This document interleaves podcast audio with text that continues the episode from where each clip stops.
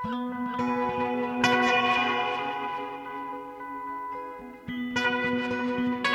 og sæl, kærlustendur, viðsjá dagsins býður upp á fjölbrettadagsgrá. Ríni í verkum hunda sem námu landa á söðurpólunum, samtalum innflytjandabókmentir og annað samtalum leikuslífið á Akureyri og svo ríni í nýja ljóðabók Jóns Kalmans. Við erum til og við erum mörg. Það er eftirspurn eftir okkar skáldskap og hér er svarið. Þetta er eins konar fæðing innflytjandabókmenta á Íslandi segir í formóla Pólifóniu af Erlendum uppruna en það er ljóðasapn ljóða eftir 15 skáld frá 12 löndum sem öll eru búsett hér á landi. Rittstjóri verksins, Natasja Stóljarova, segir okkur frá ljóðasapninu í þætti dagsins. Og Guðni heldur áfram að rölda á milli menningarstofnana í höfusta Norðurlands að þessu sinni bankar hann upp á hjá Mörtu Nordal, leikustjóra leikfélags Akureyrar og við fáum að heyra af því sem fyrir að fjalitna þar í vetur og hvað er að gerast í leikuslífurinu almennt. Annar tveggja bókmyndarín okkar hér í Vísjá, Greta Sigriður Einarstóttir, var að ljúka við nýjútkomna ljóðabók Jóns Kalmans. Djöflatnir taka á sér náðir og vakna sem guðir. Og við fáum að heyra hennar dóm hér og eftir. En við byrjum á ríni Snæbjörns Brynjasonar á leikúsverkinu Hunnen bak og mannen sem sínt var á lokal í Tjarnabíói. Þann 10. februar 1913 mætti stór hópur norðmanna niður að Oslo höfn, þá Kristjaníu, til að taka á móti þremur þjóðhetjum. Þessar þjóðhetjur hafðu silt alla leðina frá Buenos Aires í Argentínum og voru eflaust á þessum tímapunkti þaulvanar lungum siglingum. Þær stiga á landi fyllt aðstúðamannam og heldur ragleiðis á fund dýralagnis á meðan forvitin múurinn fylgdi þeir í þeirri von að sjá glitta í feld þeirra.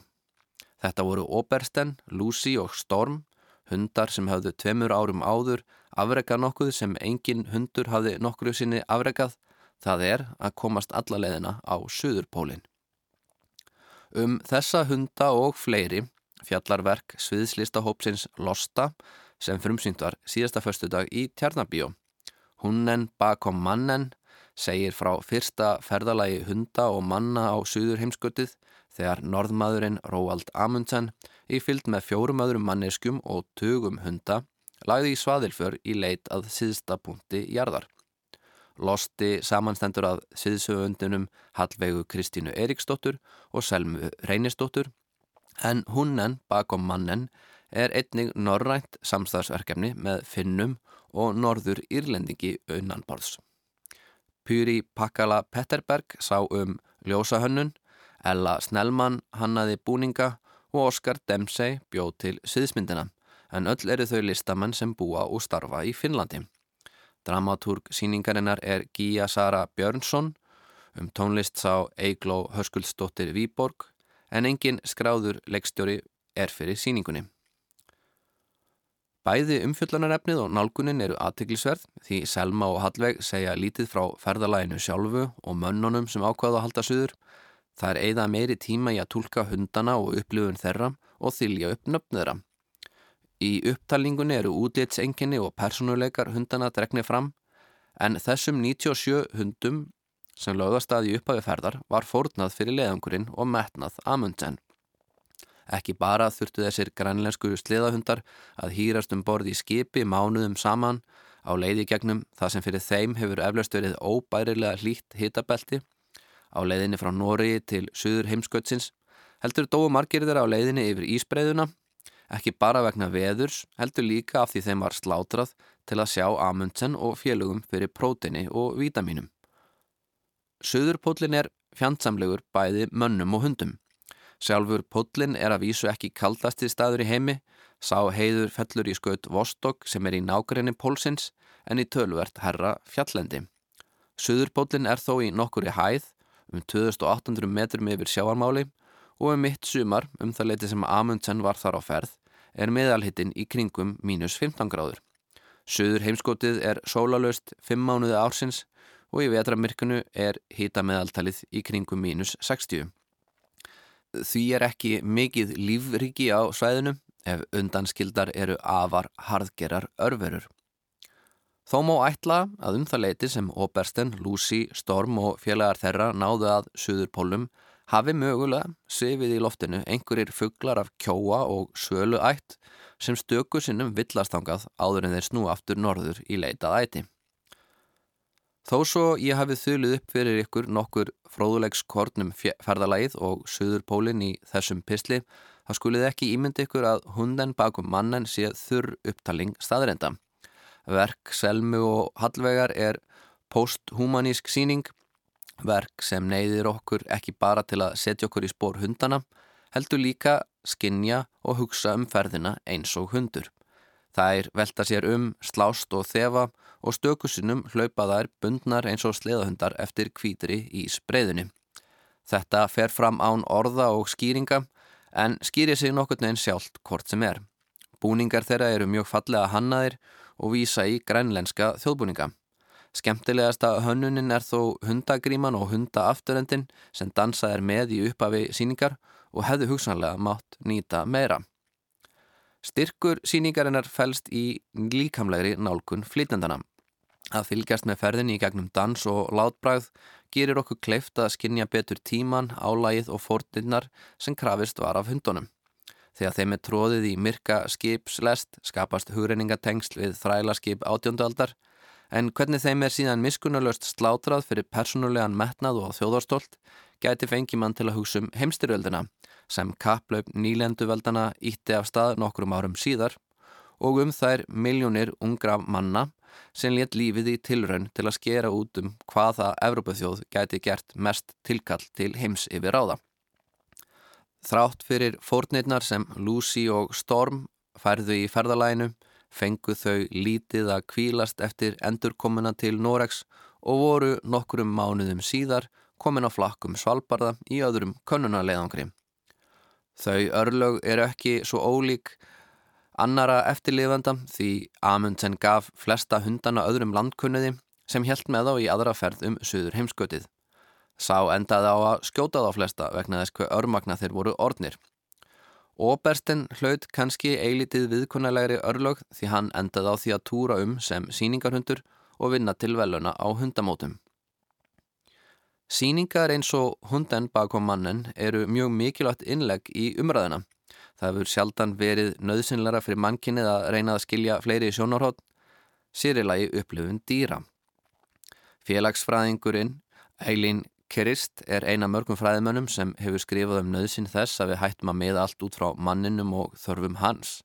Nýr hugsunarháttur og þjóðfélagsgerð sem gerir ekki ráð fyrir því að náttúran sé til fyrir mannin heldur að maðurinn sé einungis hluti hennar sé nöðsilugur til að stemma stigu við aldauðanum sem er framundan ef ekkert er að gert.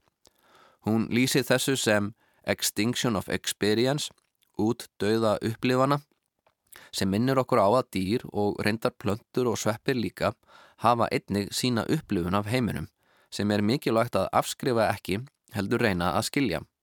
Verk eins og hunnen bakum mannen minnir okkur á tilvist þessara upplifuna, þessa ómennska sjónarhorns sem í tilviki margra dýratíðunda er nú þegar horfið eða við það að glatast.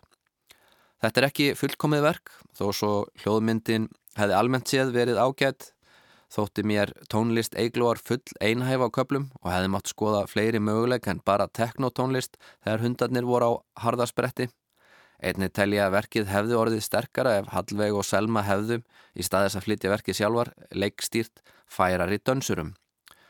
Að því sögðu þá er þetta mjög eftirtækt að verð síning með einstakt sjónarhorn á heimsögulegan viðburð sem er óhætt að mæla með fyrir bæði dýraunnendur, söguunnendur og þá sem vilja sjá áhugavert leikús. Sagði Snæput Brynjarsson um Hunnen bakom mannen eftir sviðslistahópin Losta. Úr leikúslífin í höfuborginni förum við í leikúslífi fyrir norðan. Guðni tekur nú við. Þess að dana liggur leið okkar í Víðsjá með hlustendur millin okkura menningarstofnana á Akureyri. Síðustu viku kýktum við í heimsókn í listasafnið hér í bænum og rættum þar við Hlín Hallsson, sapstjóra. En núna ætlum við að kíkja í heimsókn í menningafélagið og ræða við leikustjóran, Mörtu Nordal. Það hefur ræða skuggasvein í eh, fallega samkómuhúsinu hér í bænum við Hafnastræti. Við höldum inn og hittum Mörtu og spyrjum aðeins út í leiklistalífið hér í bænum. Þannig ertu? Hæ. Hæ. Já, ég hef mitt. Þetta er hérna, þetta er svo mikið töfra hús. Hvað séru? Bara fína. Ef ekki hérna, bara hitt, setjast hérna aðeins. Jú, gerum það. Er þetta kontoriðin? Það? Já, já. Marsta, ég er eiginlega bara komin til þess að spyrja aðeins út í leikúslífið á Akureyri. Hvernig hérna gengur? Þið eru að setja upp íslenska klassík og núna bara eftir áramót. Já, við erum bara að æfa og, og vorum bara að byrja og það er bara ótrúlega spennandi að takast á við skuggasinn og, og endur lífgan. Íslensk klassík. Já, íslensk klassísk sem, sem við munum svona blása nýju lífi í, við erum að fara endur útsetja lögin og semja ný lög og ný leikgerð og svona og þetta er mikið ungt fólk sem kemur að þessu þannig ég held að þetta verði svona mjög fest teika á þetta og þetta er, já, og ég, þetta er ótrúlega spennandi. Þetta er líka óður, óður til íslenska menningar, okkar svona róta og óður til leikús, við erum, við erum svolítið svona, uh, já, syngja óð til leikús, leikúsins og svo erum við samt líka að taka það ferskum tökum með svona nútíma leikús aðferðum. Setjum við inn á skrifstofaninni í gamla samkómuhúsinu. Þetta er 100 og hvað, 15 ára gammalt hús eða svo. Þannig að hérna, og þetta gríðalega fallegt og mikil bæjapríði. Eh, hvernig er að sitja, hvernig er að vera með skrifstofu hér til dæmis? Já, með útsýni hérna við pollin, það er ekki, ekkert slæmt við það. Þetta er náttúrulega ótrúlega fallegt hús og, hérna, og þetta er svona, náttúrulega eins og þú segir, eitt elsta menningarhúsið á landinu. Þetta er svona, ég ber þetta alltaf saman við yðnú, nema það að yðnú er hægt að funka eiginlega svona að mestu leiti sem leikhús en þetta er ennþá lifir uh, sem leikhús sem er alveg ótrúlega dýrmætt fyrir bara allt menningarlífið á landinu, myndi ég segja, af því þetta er svona aftur erum við komin svolítið til fortíðarinnar en hérna og það er mjög sjarmerandi að vinna hérna og, og sjarmerandi að leika og gaman fyrir leikara að vinna hérna og þeir elska það. Auðvitað mætti, það var, voru gerað þannig endurbætur á sínum tíma, það var stekkað og maður hugsa náttúrulega alltaf eftir á og það hefði nú verið gott ef það hefði stekkað aðeins meira aftur vegna þess að, að þú veist það er auðvitað tæknilega kannski vannbúið þú veist að við erum með mjög litla lofthæð og, og rosalega lítið hliðasvið þannig að við erum erfitt með að geima leikmyndinu, við erum rosalega erfitt með að skipta á milli það er kannski það sem mann er fyrst stundur leiðild, maður er kannski með síningu sem mann langar til þess að gangi en það er erfitt kannski að, að spila hana með annari síningu þannig að þú veist eins og við vorum með Benedikt Búolf og hún var hérna bara í raun og veru först á sviðinu í, í marga marga nýju mánuði sko og meðan gerðum við ekkert annað. Og þetta er bara því að við erum bara með svona aðstæður, við getum ekki ekki hreift hluti mikið til hérna en þú veist, svona er þetta bara. Maður lifir bara með því. Já, maður lifir bara með því og, og þá tekum maður heit góða með sko, sem er, hvað þetta er ótrúlega gaman að koma í þinn og fólk náttúrulega svo mikið fegurð, útsýni og þetta er bara, þetta er alveg stórkostlegt hús sko.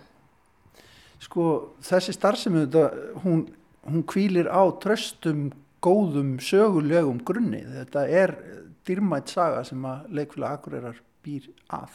Já, alveg gjörlega. Þetta er, ég ber þetta alltaf saman við leikfélag Reykjavíkur. Þetta er svona svipað. Þetta er byrjar sem áhuga leikfélag, eins og leikfélag Reykjavíkur og verður síðan atvinnu leikfélag minni með 74. Þetta er mjög svona samhlýðast saga og hérna og hefur alltaf verið sjálfstætt eins og leikfélag Reykjavíkur.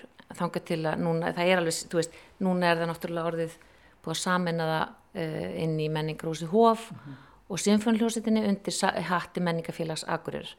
En við höfum lagt áherslu á að, að hérna halda nafninu, þannig að þetta er ekki, þú veist, þetta er ekki mm, leikhús svið, heldur er þetta leikfélag Akureyrar og það er líka vegna þess að það, og þú segir, þá er þetta, sagan skiptir rosalega miklu máli að vita hvaðan þú ert að koma og halda í þetta svona identitet sem er búið að byggjast upp á öllum þessum tíma og þessu tilfinningarlegu tengingu sem bæði bæjabúar og bara allir landsmenn hafa við, við þetta leikfélag. Þannig að til dæmis finnst mér rosalega leiðilegt hvað lítið að leikfélag Reykjavíkur, það eru held ég mikið að yngri kynslu sem veit ekkert hvað leikfélag Reykjavíkur er lengur vegna þess að það er alltaf að tala bara um borgarleikusið en aldrei um leikfélag Reykjavíkur nema bara í þröngum hópi. Og mér finnst það svolítið synd vegna þess að þetta er veist, það, það er með einhvern veginn glatast svolítið tenging við þessa fortíð. Þaðan sem þetta kemur upp úr svona það sem allt þetta fólk byggir upp frá því að vera áhuga leikfélag og berst fyrir því að þetta verða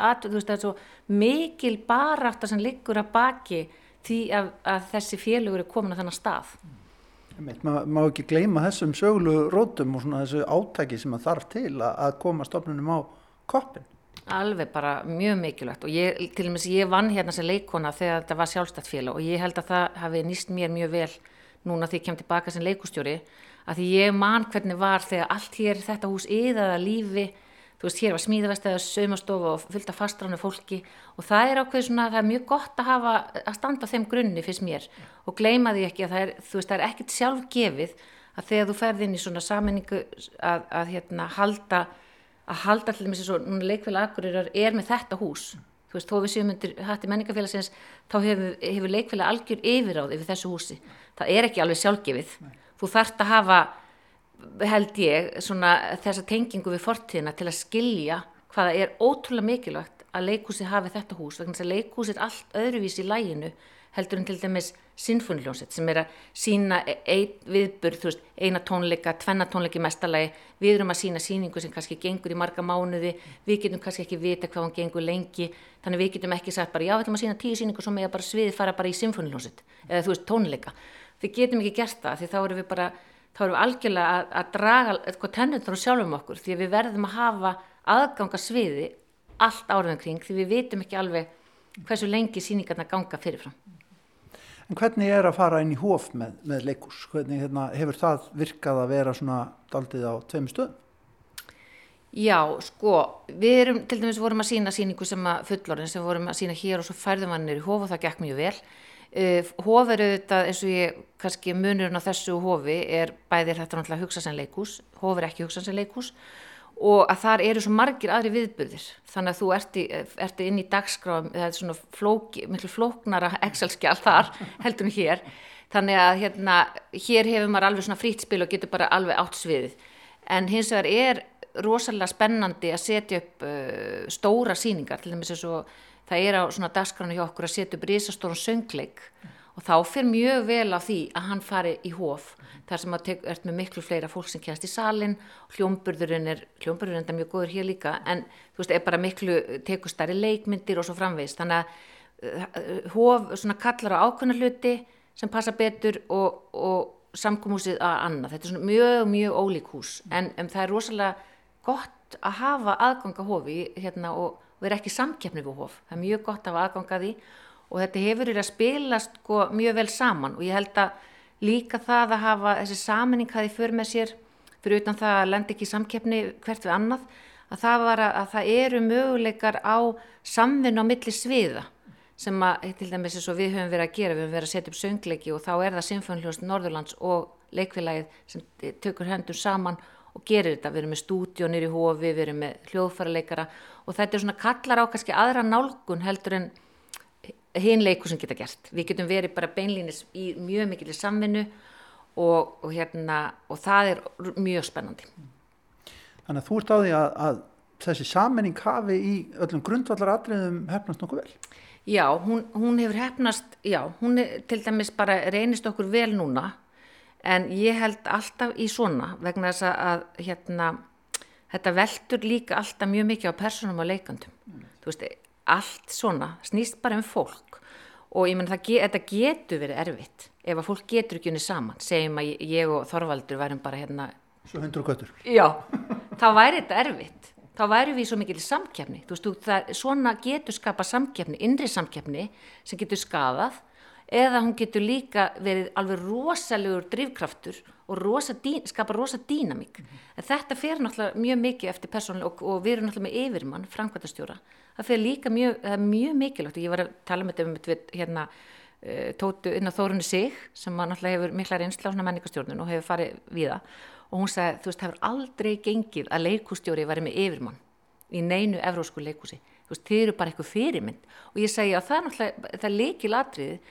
í svona þú ert með hérna yfirmann í sérst framkvæmdastjóra sem er yfir eila uh, symfónistjórunum og, og, og mér að það sé manneska sem skilur list. Því ef hún gerir það ekki þá getur við lendið alveg vanda. Mm. og, hérna, og þetta er grundvallar atrið það er að skilja og gefa að því að listamenn verða að fá frelsi og listarannstjórnir verða að fá frelsi til þess að gera hlutina. Og þú verður að stiðja við það en veita en sko aðhald sem bara hjálpar þeim mm. en veist, þetta er allt háð personum að leikundum til dæmis Einmitt. En Sko, þú nefndir aðan að þú mannst eftir þeirri tíð að hafa verið hérna sem ung leikona að, að sprikla og það var mikið líf í húsinu uh, hefur náðst að, að því að maður veit að hér í den tíð allavega þá var þetta svona eins og uh, hjólið undir, undir listamenn eða að það var oft skotist hérna norður til að taka þessi síningar þessi dýnamik milli akureyrar og borgarinnar, er hún svo sama og var hér? Það var náttúrulega kannski ekki alveg verið síðustu mánuði, ég veit að Menur að listamenn sé að koma hinga úr borginu? Já. Já. Uh, sko við hérna auðvitað erum með listamenn hérðan og það eru einhverju listamenn sem búa hér, leikarar og, og við hérna nokkuð þeirra hafa verið að vinna hjá mér og hérna og við, en við höfum verið með þannig verkefni um alltaf, við höfum haft oft pröfur og þá eru við ekki að, að þú veist þá bara veljum við eftir getu og, og öllu. Og við hefum fengið mikið af leikurum, ungum leikurum frá Reykjavík og líka eldri, menn nú erum við með Jóngnar til dæmis og við hefum með Karl, á, Karl Ágúst og, og Björgun Frans og þannig að já, við erum að sækja mjög mikið hérna söður og erum náttúrulega líka í, í smá samstarfi við þjóðlugúsið og það er eitthvað svona sem er sem er svona, erum að byrja með COVID hefur kannski svolítið sett í stryki reikningin með það en það er alveg svona möguleikar þar til dæmis á því að að listamenn fara á milli og svo veist, þetta er aldrei erfitt ofta að hérna í praxís mm. en það er eitthvað sem er spennandi fyrir okkur það sem við getum fengið að njóta eitthvað sjá þeim og þau hjá okkur og, og svona skiptast á svona bæði kunnóttu og rými og svo framvegs en hérna og við höfum reyndar að vera að vinna með þeim í, í samstarfi við Listaháskólan og Þjóðlugúsið sem hefur verið mjög gjöfult og gott með leikara brautina en já það er, það er rosalega mikið flakk á listamennum hérna á milli og auðvitað er það það sem er erfitt náttúrulega fyrir okkur hérna fyrir norðan og það er bara, er rosalega kostnær við það og það getur verið hindrun og hérna að því að það er bara, ég veit að, að þetta er kannski eitthvað svona klísja en það er, það er bara rosalega dýrmætt fyrir okkur Íslandinga að við séum ekki að hlaða öllu á höfuborgarsæði, það er bara, er svo mikilvægt að við séum að byggja upp eitthvað mótvægi hér mm. og það sé eitthvað raunverulegt og stert og það þarf að byggja undir það náttúrulega fjárhastlega og það þarf að byggja undir það faglega og hérna þetta er bara þetta, þá verður þetta spennandi hérna, viðkomastæði fyrir ferðamenn bæði Íslandinga og sem alltaf koma hérna alveg yðurlega í fjallið mm -hmm. og bara eru fara að sækja mikið akureyri og náttúrulega útlendinga. Sko kannski að endingum er þetta um, áhugi á þessar starfsemi ykkar. Hvernig, hvernig svona hvernig eru, hvernig upplifir þú bæjar bræinn þegar kemur að áhuga á, á listunum hér í bænum? Já Sko, það er bara mikill áhugi, mikill tónlistar áhugi til dæmis á Akureyri, hann er þekkt hérna, já, mikill tónlistarmenn. Eh, hérna er mjög öflugur tónlistarskóli sem hefur haft mjög mikið að segja fyrir tónlistarlifi hérna, alveg bara gríðala. Eh, sko, minna, kannski það sem maður mað segja ef ég er svona, hérna, horfa á þetta svona alveg gaggrinum augum, þá náttúrulega er einstleitari markkópur hér -hmm. og það er hérna, það er bara fakta. Uh, þeir sem eru kannski eins og ef, þú horfir á dagskrána hjá mér þá er ég uh, þá er ég leggja áherslu á að verkin sem ég set upp séu aðgengileg. Þar að segja að þau laði fólk hér í leikúsið vegna sem ég veist að skipta máli að fólk finnst að ég eitthvað hlutild og eitthvað erindingað.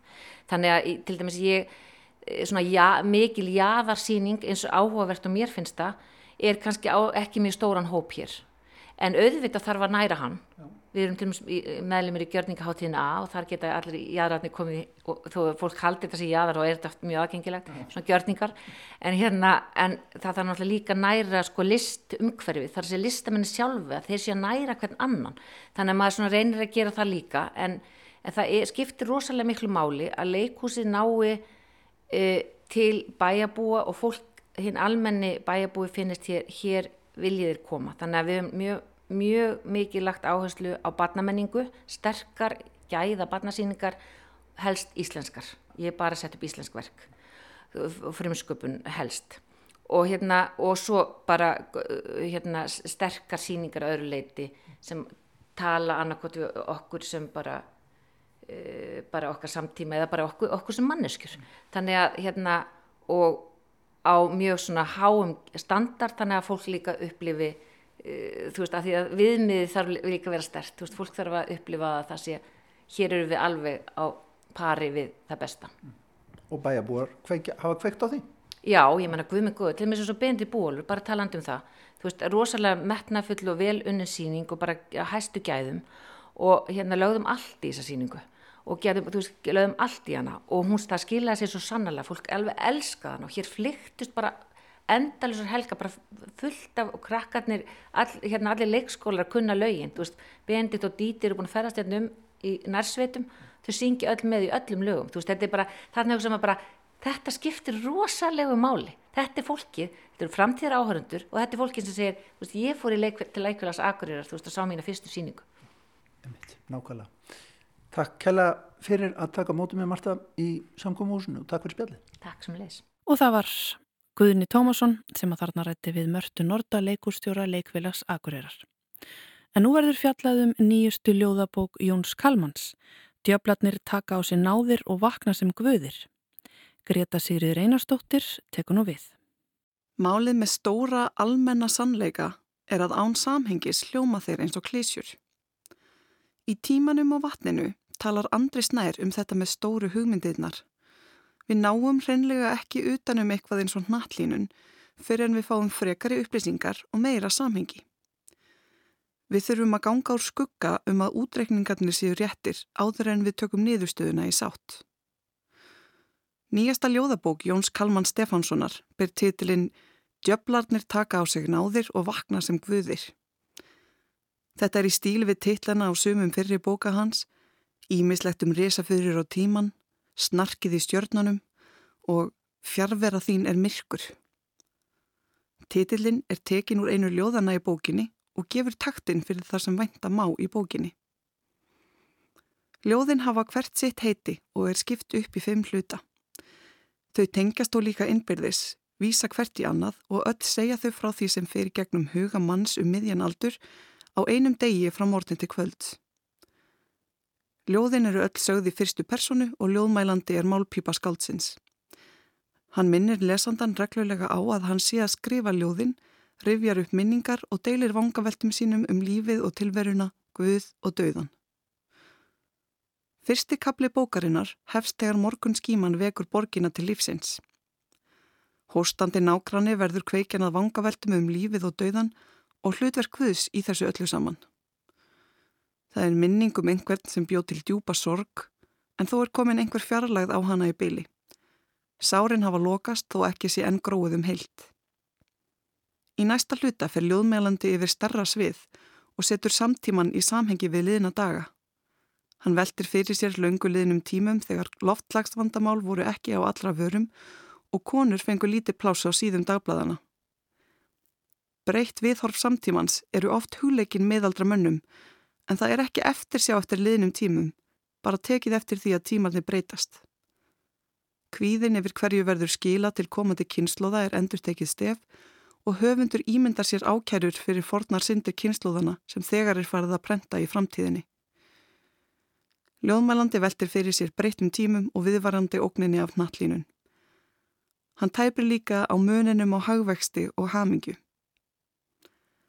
Breytir tímar leiða hugan að trega fullum minningum og abbalag getur kveikt á óþægilegum tilfinningum. Í þriðja hluta er fjallað um tilgang lífsins, hvers það krefst af okkur og hvað aðrir hafa skrifað um það í gegnum tíðina. Í fjörða hluta er farið að byrta til aftur. Ný manneskja með halastjórnu brós snýr þingslunum á haus og gerir flissandi ungling úr þungbrynda skaldinu í fyrir hluta bókarinnar.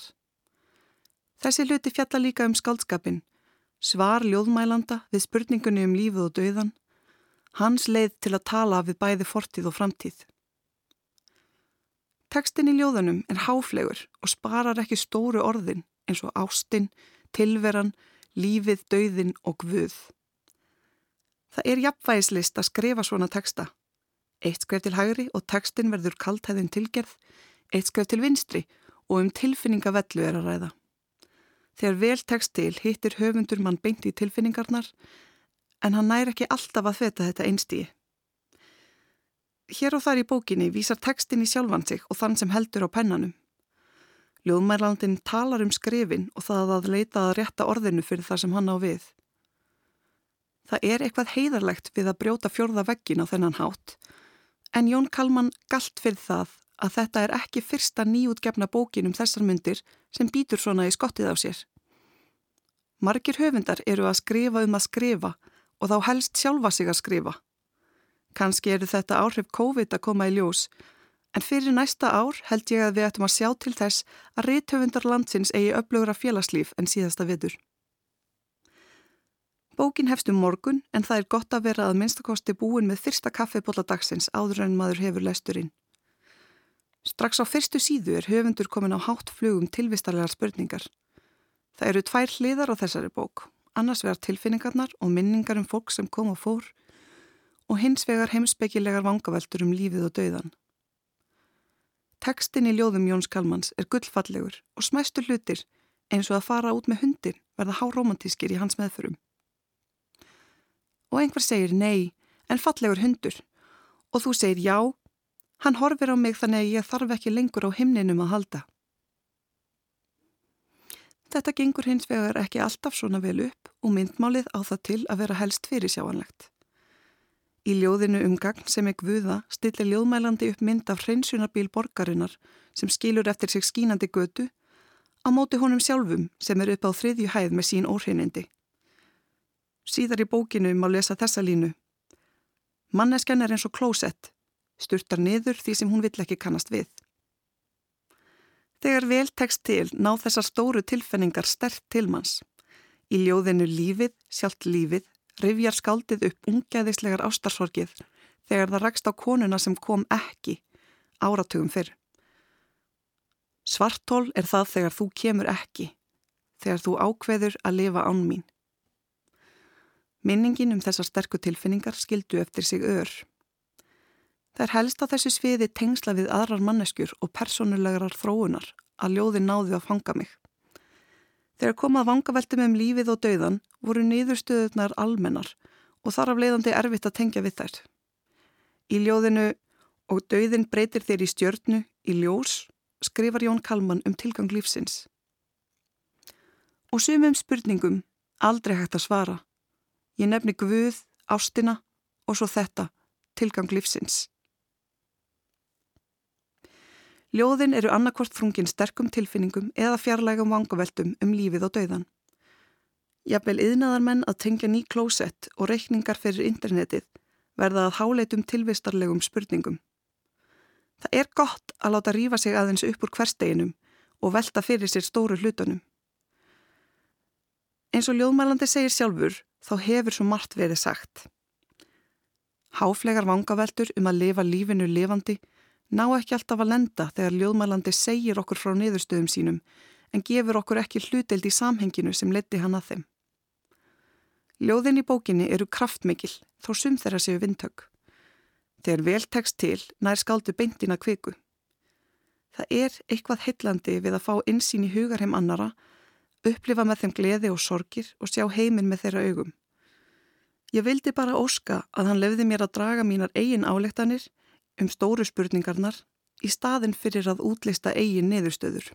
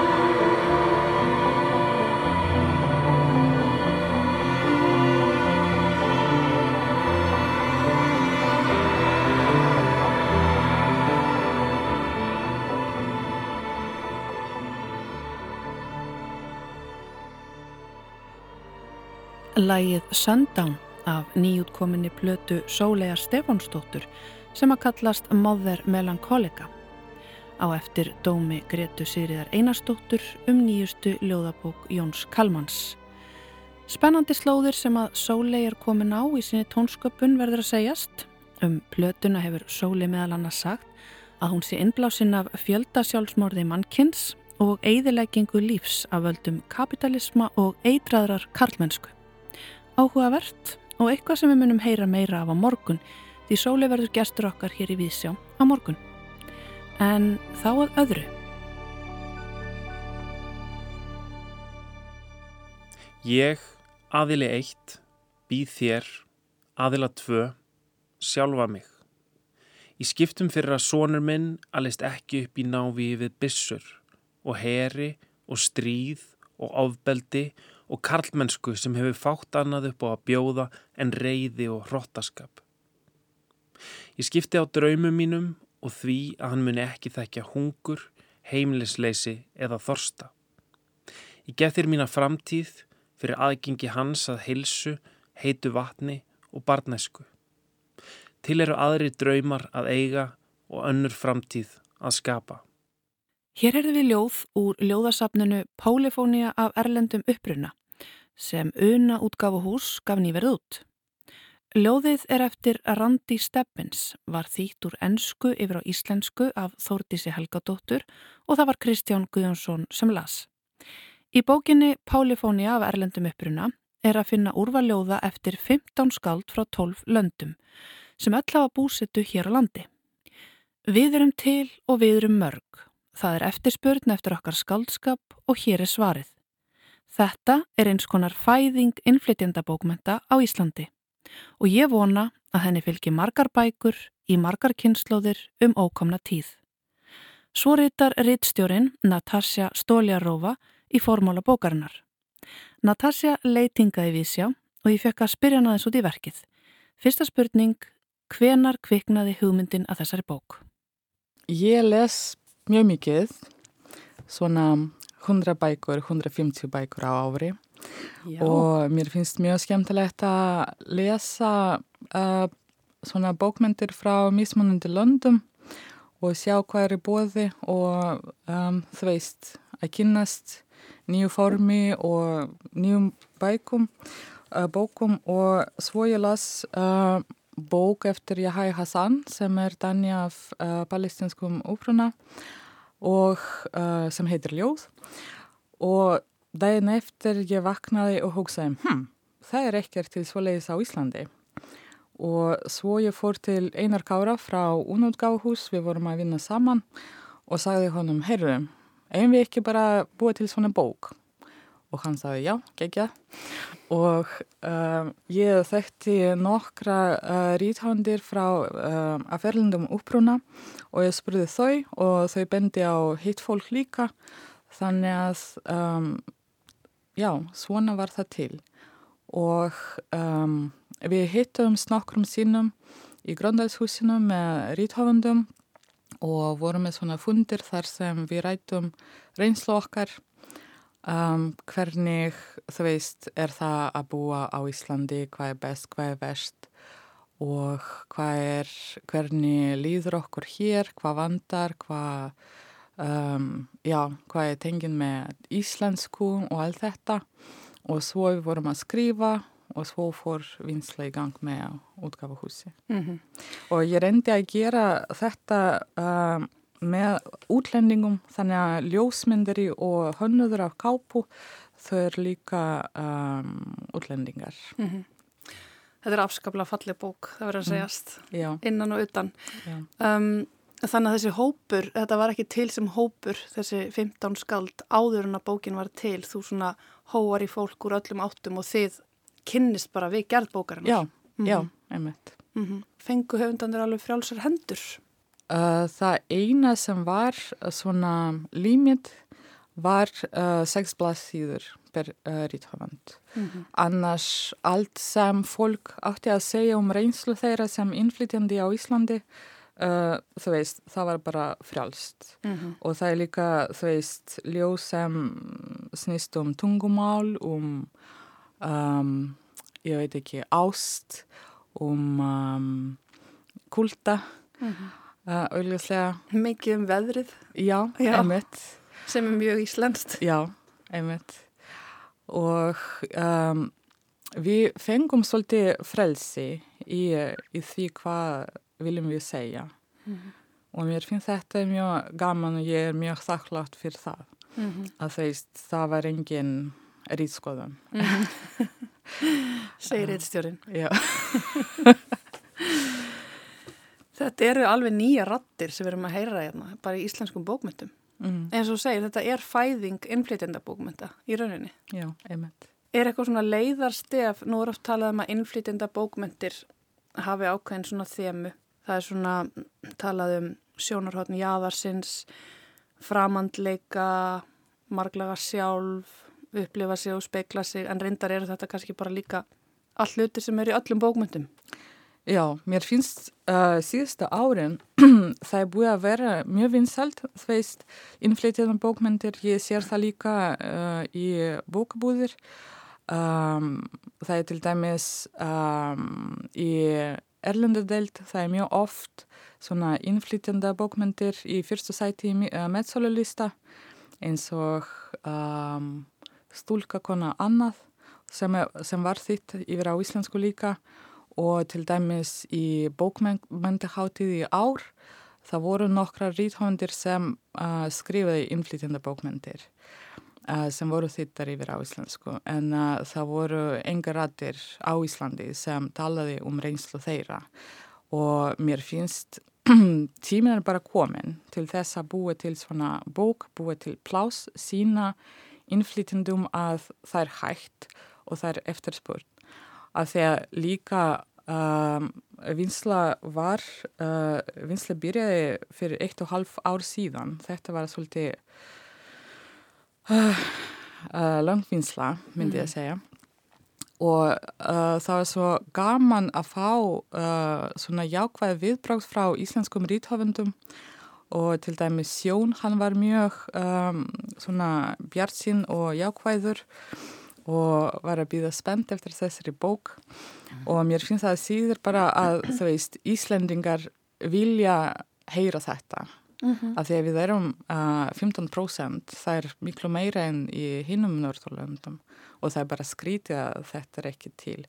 Og á sama tíma þetta eru útlendingar sem á að gera það.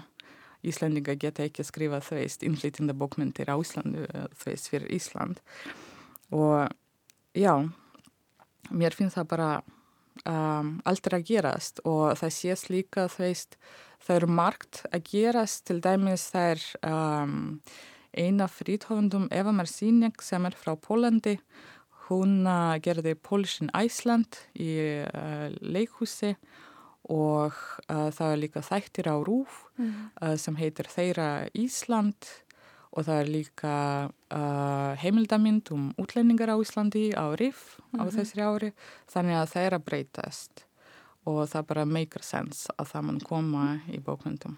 Ekkert hjá mann hlautið þetta að byrja? Mm, einmitt. Þannig að þú finnur fyrir þessari grósku? Já. Einmitt. Notar þú þína reynslu í þínum skálskap sem Þú veist, fer þessi reynsla þín sem innflytjandi hér í nýju landi, fer hún í þinn skálskap? Já, auðvitslega.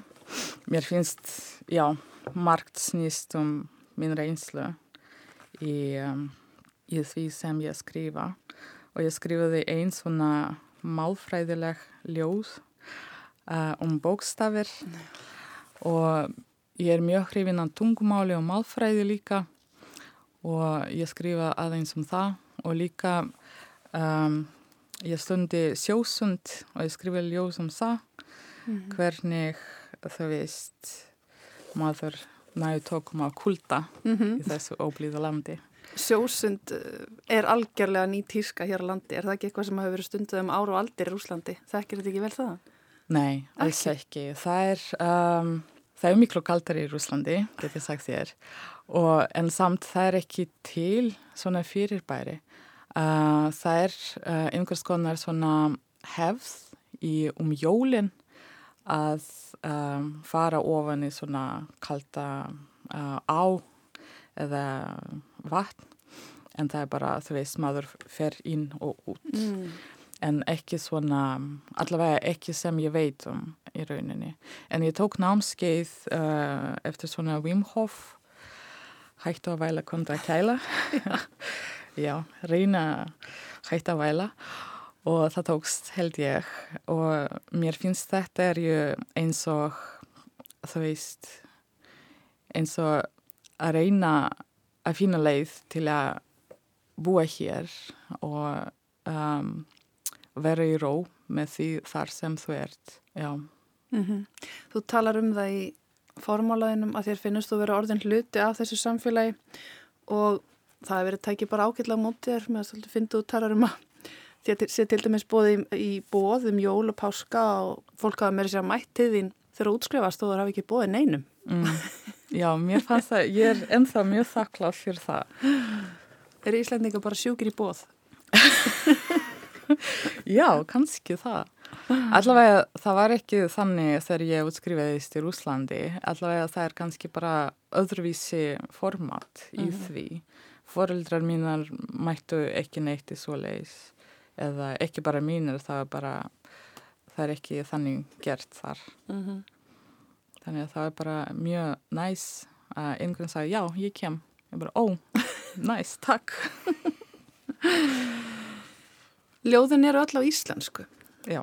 Var það ákveðið strax að hafa bæði uppröðanlegt tungumál og þýðinguna? Um, Úrpröðanlega við vorum að hugsa að gera það bara á íslensku af því að markmið var að sína uh, íslendingum þau veist að um, útlenska ríthafundir eru til og þau eru jafn góðar.